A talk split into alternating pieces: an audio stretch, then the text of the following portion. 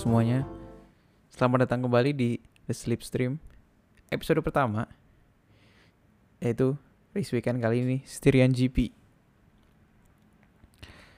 Mungkin sebelum masuk ke pembahasan balapannya kita bahas dulu mungkin news flash sedikit ya, recent updates dari dunia racing. Ya sekitar Formula One lah. Yang pertama ada uh, Turki GP, Turkish GP masuk lagi ke dalam kalender musim ini menggantikan Singapura GP yang dibatalin.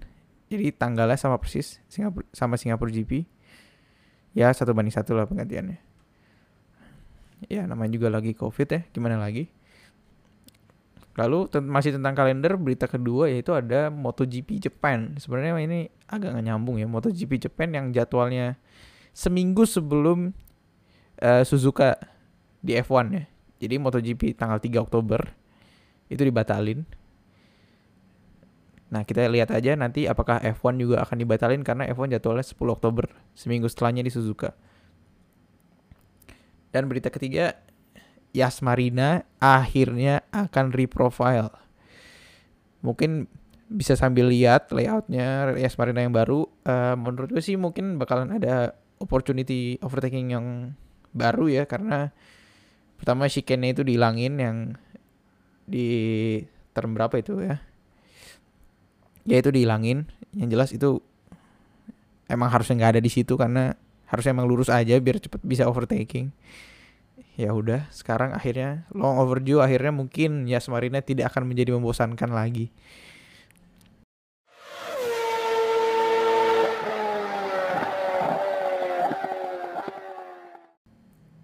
ya mungkin kita sekarang langsung bahas aja uh, race-nya dari free practice satu mungkin ya. Oh ya, sekarang race-nya adalah Styrian GP ya. Red Bull Ring jilid satu karena minggu depan akan Red Bull Ring lagi sama. Ini bagian dari triple header pertama. Ya Red Bull Ring ini sekilas saja ini tracknya power sensitif karena cuma ada 10 corner dan 4 braking zone. Jadi 10 corner ini yang official tapi yang bener-bener kayak pembalapnya berasa belok tuh cuma 4. Jadi ini ngaruh banget eh, kalau punya engine power yang gede, straight line speed, ini corner exit mungkin juga ini bakalan ngaruh banget. Karena marginnya kecil, satu lap cuma satu menitan sekian. Jadi uh, mungkin akan deket-deket dan nyari gapnya itu mulai lumayan agak sulit mungkin. Uh, dari free practice satu mungkin uh, kelihatan McLaren Red Bull itu uh, straight line speednya oke okay. McLaren terutama. Kalau Red Bull sih karena seperti biasa ya lower downforce sama kayak di Prancis sebelumnya minggu sebelumnya. Strategi masih sama. Max Verstappen FP1 FP2 nomor satu seperti biasa. Uh, masih kelihatan strongnya Red Bull dari Verstappen. Uh, lanjut di free practice ada kejadian yaitu Botas. Botas ini baru dipasangin ban baru, ban hard baru. Uh, dari yang gue lihat sih dia practice start ya dari uh, pit lane. Dari dari pit box maksudnya.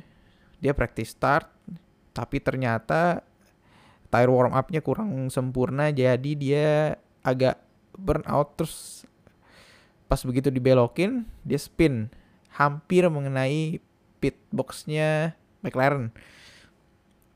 Tentu aja McLaren pasti langsung protes ke Michael Massey kita uh, eh, FIA race director ya. Uh, bisa didengerin juga ininya apa radionya McLaren yang protes. Akhirnya Bottas dihukum tiga grid drop, three place grid drop penalty ya. Jadi misalnya dia dapat pole, ya tetap aja jadi startnya ke empat gitu agak sayang sih padahal Botas ini sebetulnya tracknya dia cukup bagus ya di sini udah dua kali menang. Uh, Honda Power Car looks good. Empat mobil Honda uh, selalu ada di top 10 di free practice 1 2 3 kalau nggak salah ya. Kayaknya Honda nih bagus nih di sini powernya kerasa karena yang gue baca juga Honda ini baru dapat upgrade di bagian fluida mesin. Jadi katanya oli mesinnya ganti jadi lebih bagus mungkin bisa uh, tahan tahan lebih tahan panas lebih lama jadi bisa uh, pakai mode mesin yang lebih kencang lebih lama gitu. Karena bisa tahan temperatur yang lebih tinggi lebih lama. Kira-kira gitu. Uh, meskipun Red Bull strong tapi Sergio Perez di sini agak kurang kalau ya kalau dilihat dari free practice karena ya grid dia tertinggi sini cuma 6 cuman ke 6 ya paling tinggi emang kayaknya bukan tracknya dia. Ya gitu sih. Tapi kalau Max sih ya Max Verstappen. Ya mau gimana lagi. Terus Daniel Ricciardo juga padahal di Prancis dia udah strong udah cukup bagus. Ternyata balik lagi struggling di sini. Meskipun di free practice 3 dia kedua ya dapat V dapat P2 mungkin uh, lagi condition track condition juga ngaruh sih harapannya orang-orang semua kali ini hujan tapi ternyata nggak jadi. Forecastnya salah. Ya begitulah. Namanya juga F1 uh, eh, lanjut ke qualifying. Qualifying uh, Q1 Q1 sayangnya Ocon harus gugur di Q1 nggak tahu ada apa ini sebetulnya. Uh, Alonso padahal kelihatan cukup bagus. Sayangnya Ocon harus gagal di Q1. Raikkonen juga. Uh, lanjut ke Q2. Q2 yang gugur adalah Vettel, Giovinazzi, Ricciardo, Sainz, dan Russell. Russell ini udah bagus banget pasti. Yang jelas Q2 100% musim ini. Sainz, Ferrari lagi-lagi ini track yang power sensitif, power sensitif dan Ferrari lagi nggak bersahabat ya sejak musim kemarin 2020 akibat skandal cheating in 2019 ya. Jadi mungkin masih ada sisa-sisa uh, hukumannya sampai sekarang. Karena terbukti di yang nggak power sensitif tracknya kayak Monaco itu dia bagus. Di sini yang unexpected tentu aja Ricciardo ya karena ya mungkin penyesuaiannya mungkin memakan waktu yang lebih lama dibandingkan yang dia inginkan. Lanjut ke Q1, Max Verstappen lagi-lagi dia satu-satunya orang yang di bawah 1.4 waktunya di bawah 1 menit 4 detik. Uh, Botas kedua 1 menit 4 detik sekian. Cuman beda 2 tenths nya. Tapi sayangnya 3 3 place grid drop penalty akhirnya dia start ke 5 di belakang Sergio Perez. Start ketiga eh eh grid ketiga Hamilton tapi startnya jadinya kedua. Eh waktunya cuma beda dikit banget 0,03 detik. Ya Hamilton dia bilang sih udah maksimal ya. Katanya dari dari free practice satu juga dia selalu nanyain di mana 0,2 detiknya Verstappen itu di mana nyarinya ternyata memang kan uh, kita bisa tahu straight line speednya Red Bull itu dalam satu lap bernilai 0,2 detik. Lanjut ke uh, grid keempat itu Norris. Startnya ketiga tapi.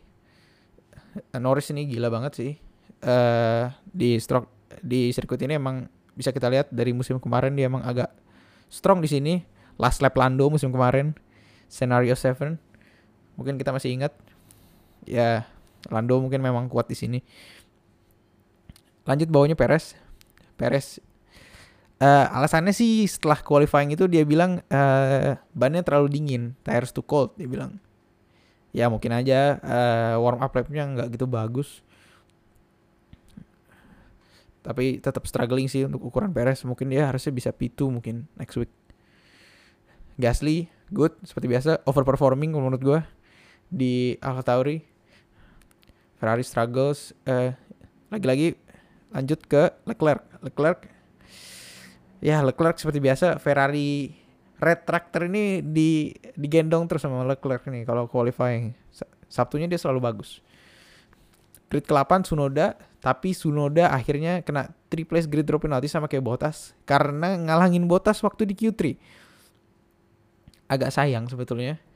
Kalau enggak kena penalti berarti ada 4 mesin Honda semuanya ada di top 10 sampai qualifying. Berarti Honda memang powernya terbukti lebih bagus di sini. Lalu bawahnya Sunoda ada Alonso. Alonso masih bagus. Ya mungkin seharusnya Alpine ada di sini tapi Ocon mungkin lagi day off. Mungkin setelah dapat kontrak merasa santuy. Jadi agak ya udahlah ya gitu. Posisi 10 Lance Stroll. Lance Stroll ya mungkin memang segini harusnya. Karena Aston Martin ini kayaknya kena apa ya tahun kemarin banyak kan ngikutin sih begitu dipotong ya floornya karena regulation change ganti musim jadi agak sulit keep up dengan midfield midfield yang lainnya. Ya udah qualifying paling gitu aja nggak ada yang aneh-aneh nggak ada hujan. Lanjut ke hari besoknya yaitu race. Race ya start biasa turn one oke okay semua. Tapi setelah turn one turn Charles Leclerc langsung gimana ya? Uh, dia agak nyenggol ban kirinya Gasly ban kiri belakang Gasly. Akhirnya Gasly uh, bannya pecah. Bannya pecah. Akhirnya Gasly pun DNF tapi Leclerc enggak DNF meskipun front-wingnya hancur langsung pit di lap 1 Latifi juga puncture cuman ini nggak ditampilin ya gue nonton tapi nggak ditampilin kenapa puncture-nya nggak tahu uh, yang jelas mungkin ada insiden di turn 3 juga ya karena turn 3 ini lumayan chaos ya turn 3 ini lumayan chaos karena Gasly udah pecah bannya ngerem ternyata di outside-nya masih ada Giovinazzi. Giovinazzi coba yang ngambil out outside-nya Gasly cuman ya karena namanya juga bannya pecah ya nggak bisa belok orangnya. Ya udah jadi spin. Agak jadi Giovinazzi ini agak terkompromis ya race-nya menurut gue. Oke, lanjut lagi uh, untuk posisi 1 2 3 4 5 nggak ada yang aneh-aneh cuman uh, Lando tuh di lap keberapa dia ngasih jalan buat Perez sama Bottas ya karena ya mungkin dia tahu ini race-nya bukan race dia, dia nggak balapin dua orang ini, dia tahu dia lebih lambat, mungkin dia lebih baik uh, untuk saving tires to go long seperti strateginya dia untuk uh, yang penting kan dia kan lawan utamanya McLaren kan Ferrari, yang penting finish di atas Ferrari gitu. Oke lanjut masuk ke pit window pertama untuk yang soft. Perez langsung pit, langsung pit, tapi sayangnya pitnya gimana ya agak nyangkut ban kiri belakangnya. Jadinya agak slow, cuma hampir 5 detik pit stopnya. Nah lanjut ke lap selanjutnya langsung ke overcut sama Bottas. Ya ini agak salah timnya Red Bull sih sebenarnya karena pitnya lambat ya namanya juga pit stop kan nggak selalu sempurna. Akhirnya gara-gara itu Perez ya yang bisa kita tahu finishnya ke akhirnya keempat 0,5 detik doang di belakang uh, Botas karena jadi setelah bannya sama race biasa jaraknya selalu 3 detik 3 detik 3, 3 2 1 setelah satu tiba-tiba pit ke medium Perez. Dari jarak 20 detik dari jarak satu pit stop. Sampai 0,5 detik doang di lap terakhir. Kalau satu lap lagi itu bisa P3 harusnya Perez. Jadi menurut gue ini ya kalau misalnya pit stopnya sempurna cuma dua detik gitu misalnya ya Perez sih P3 sih harusnya. Mungkin bisa P2 gitu sih lalu Max Verstappen ya menang. Kita udah tahu. Max Verstappen udah juara satu. Langsung burn out di finish line yang langsung dilarang sama FIA hari itu juga. Jadi emang emang bahaya sih sebenarnya menurut gue ini. Uh, gue juga bingung waktu nonton Max garis finish lewat terus langsung ngerem terus langsung burn out emang agak agak ngaco sih cuman ya emang confidence lagi di atas atasnya nih Max Verstappen. Jadi ya mungkin belum ada di roll sebelumnya? Ya bebas. Hamilton nggak bisa ngejar. Sama sekali nggak bisa ngejar. Hampir uh, mungkin agak cook ya tiresnya mungkin agak uh, overheat. Sampai ada graining di depan kanan. Graining di depan kanan ya susah akhirnya. Karena dia nyadar nggak bisa ngejar. Punya pit window di belakang, akhirnya maksudnya jaraknya sesuai sama pit window ya. Lebih dari pit window jarak dia sama Botas. Akhirnya dia pit ke soft tire, ngambil fast lap. Ya scraping whatever he can. Satu poin pun berharga karena ini title fight. Botas finish P3 marah lagi gara-gara pertama disuruh push pakai ban hard itu dia bilang ngapain gue disuruh push pakai ban ini nggak bagus akhirnya malah overheat. Karena bikin overheat bener overheat karena sampai karena overheat itu Perez sampai mepet. Dan gue lihat juga ada graining di belakang kanannya. Ya mungkin itu karena overheat juga. Karena kan ban kanan itu sebetulnya nggak terlalu kepake di track Red Bull Ring ini karena kan tracknya uh, clockwise jadi banyakkan belok kanan. Banyakkan belok kanan berarti ban kiri lebih banyak habis oke lanjut lagi ke race result. Uh, Norris finish. Oke okay, race nya mungkin lonely race ya mungkin bisa dibilang. Nggak ada yang di belakang dia depan dia juga nggak ada. Sainz Sainz ini recovery drive parah banget mantep. Strategi Ferrari kali ini on point. Second second halfnya bagus banget. Sainz uh, start di start di free tire choice kan dia. Uh, golong. Langsung masuk ke ban kedua.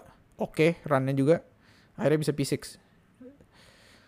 eh, ketujuh Charles Leclerc. Leclerc lagi-lagi.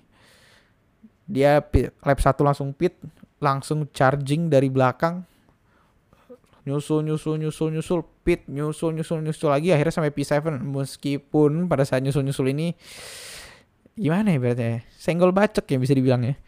Senggol-senggol orang ya. Sampai uh, front wingnya Kimi kena emang agak agresif sih move-move-nya kalau menurut gue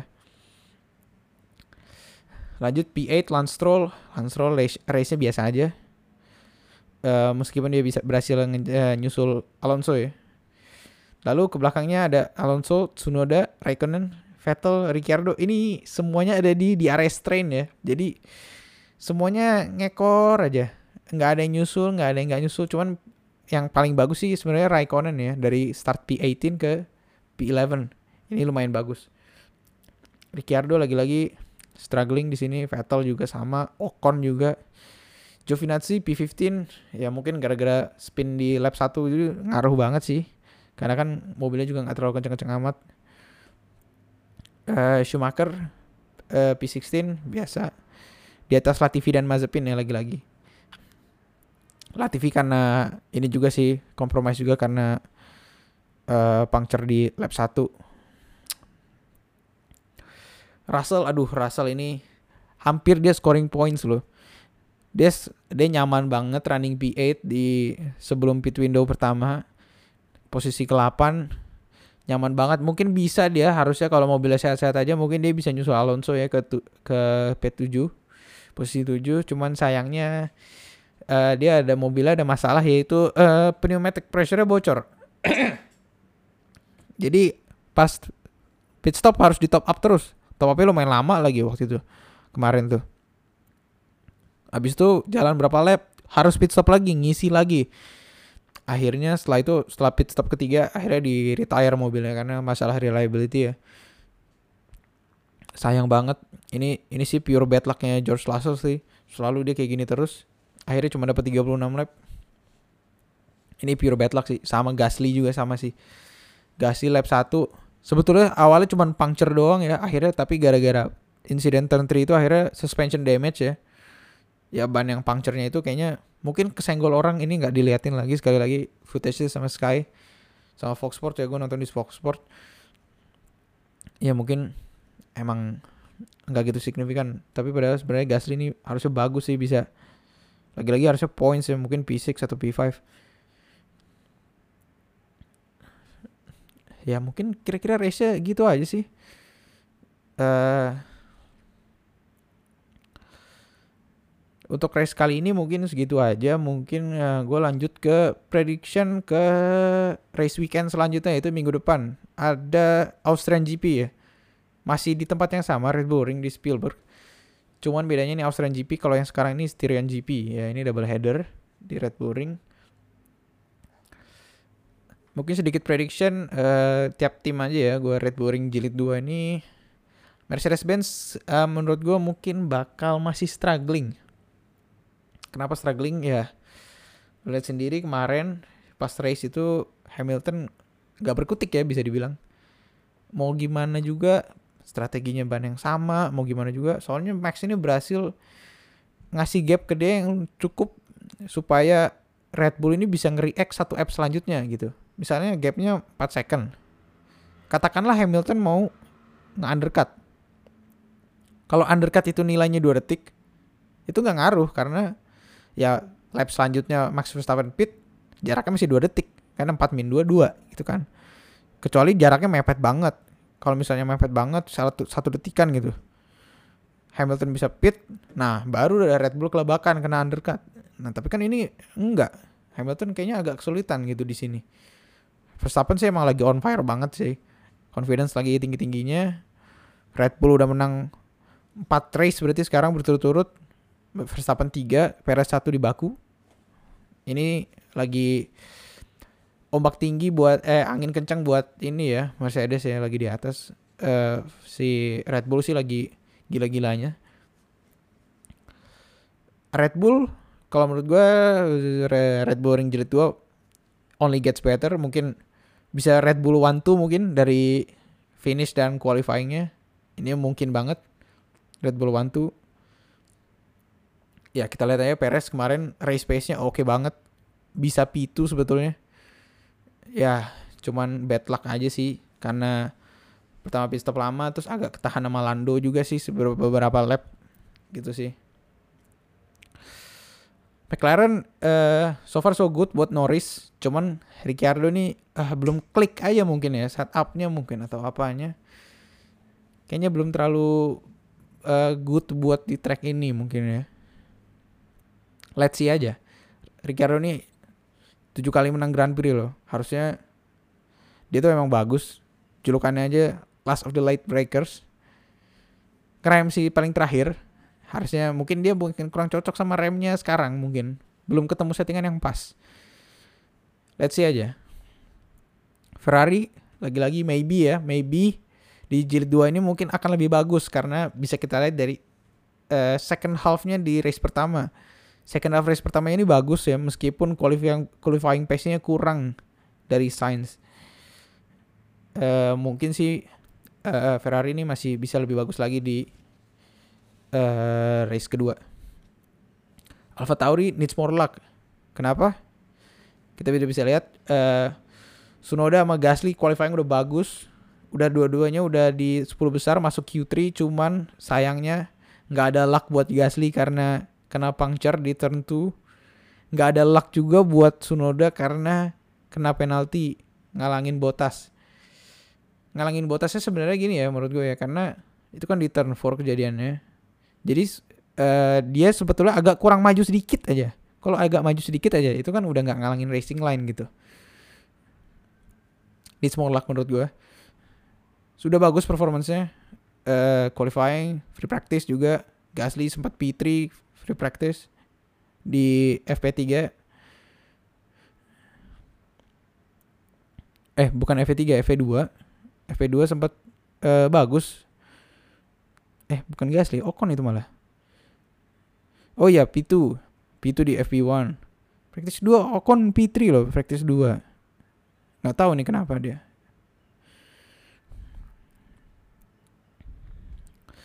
Lanjut uh, Alpine meh mungkin Alonso sebetulnya nggak bagus-bagus amat cuman ya konsisten aja segitu terus gitu mungkin nggak terlalu bagus ya Alpine di sini mesin Renault mungkin uh, powernya mungkin nggak gitu kencang di sini.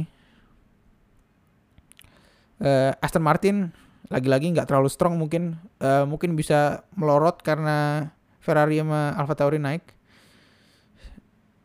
Uh, about the same paling sama lah. Vettel mungkin bisa yang aneh-aneh. Biasalah dia. Let's see aja. Alfa Alfa Romeo mungkin uh, kita lihat dari race Kimi sih dia bagus ya. Sayangnya Giovinazzi lagi-lagi nggak ada lucknya karena spin di turn 3. Gara-gara salah dia juga sih menurut gua karena dia outside move ke Gasly yang pecah ban. Ya itu sih agak salah sih. Ya Alfa Romeo mungkin akan lebih strong di race kedua. Uh, untuk Williams, Russell mungkin akan points ya setelah mobilnya dibenerin karena udah oke okay banget qualifying mungkin dia bisa Q3 mungkin. Karena dia miss Q3 cuma dikit sekali uh, gapnya. Uh, kira-kira gitu sih paling. Latifi ya nggak kelihatan juga karena puncture. Seperti seperti biasa Latifi nggak ada yang spesial ya race-nya. Selalu biasa ya untuk tim terakhir itu Has ya you know lah Has nothing good comes out of it. Schumacher Mazepin. Selalu Schumacher di atas Mazepin ya sampai sekarang ya gitu-gitu aja karena waktunya dibandingin sama Williams aja atau Alfa Romeo aja jauh. Ini agak tim ini emang udah hopeless sih musim ini seperti yang dibilang Gunter. Di seminggu kemarin ya karena ngobrol sama Gunter terus ya dia bilang ya udah memang fokusnya yang penting mereka belajar. Dua rookie ini yang penting belajar. Kayaknya udah habis ya untuk uh, ini prediction juga udah uh, mungkin thank you banget yang udah dengerin. Uh, bisa lagi-lagi bisa follow instagramnya at di di slipstream pod atau twitter di pot slipstream ya mungkin gue bakalan lebih aktif di Twitter karena sambil nonton F1 tuh biasanya gue main Twitter sambil ngeliat-ngeliat di memes-memes dan ya sambil nge-tweet ya track-track lah biasa lah karena seru. Mungkin itu aja dari gue uh, thank you banget udah dengerin. Uh, cabut